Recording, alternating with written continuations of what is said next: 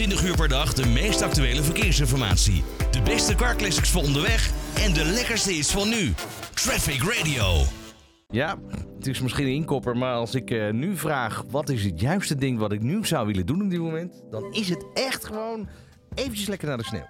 En eh, dat eh, ben ik niet alleen. Dat zijn heel veel Nederlanders. Waarbij, uh, het is voor iemand die niet van wintersport houdt, moeilijk uit te leggen, denk ik. Ik ga het even vragen. Bianca Damink Ja, van de AMB. Goedemiddag. Goedemiddag. Ben jij eigenlijk eh, fan van wintersport of niet?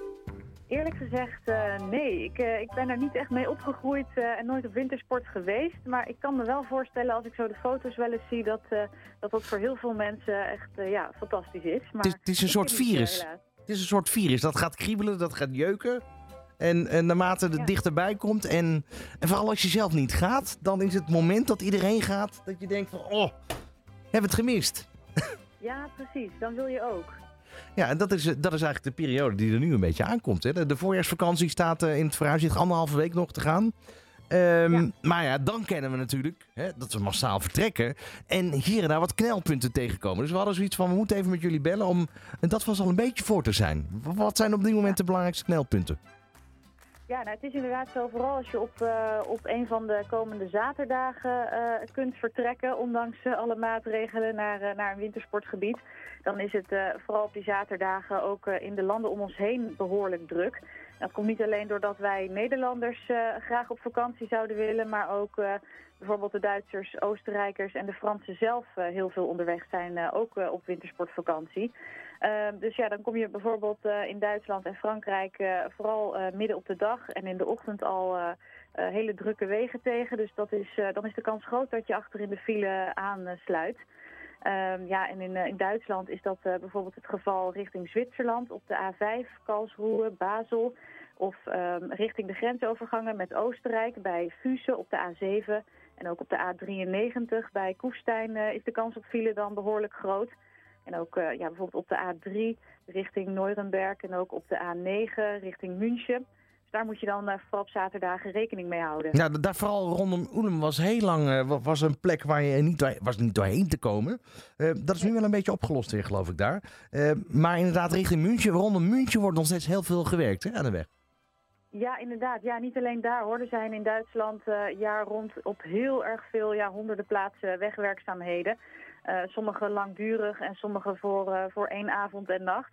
Maar eh, het is altijd handig om eh, vooraf de verkeersinformatie even te, te checken voor je eh, die route pakt.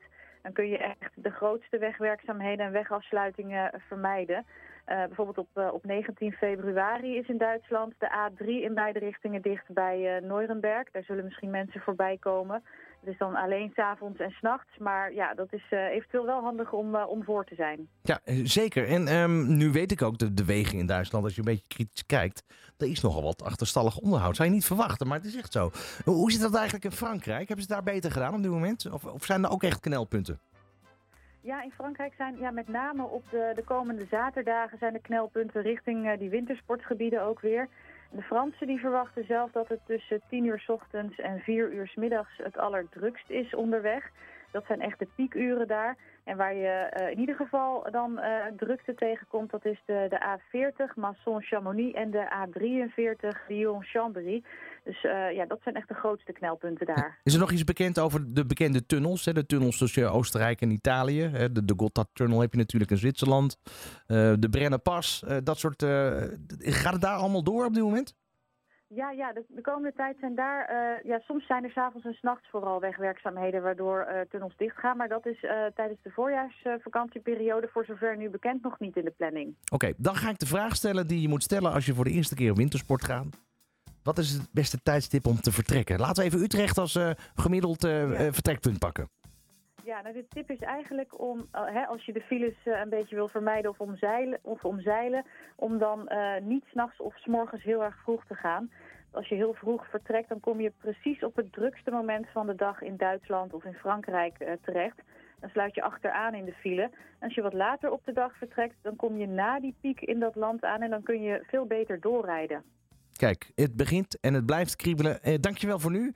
En eh, we gaan richting de voorjaarsvakantie. Bianca Daming van de ANWB. 24 uur per dag de meest actuele verkeersinformatie. De beste car voor onderweg en de lekkerste hits van nu. Traffic Radio.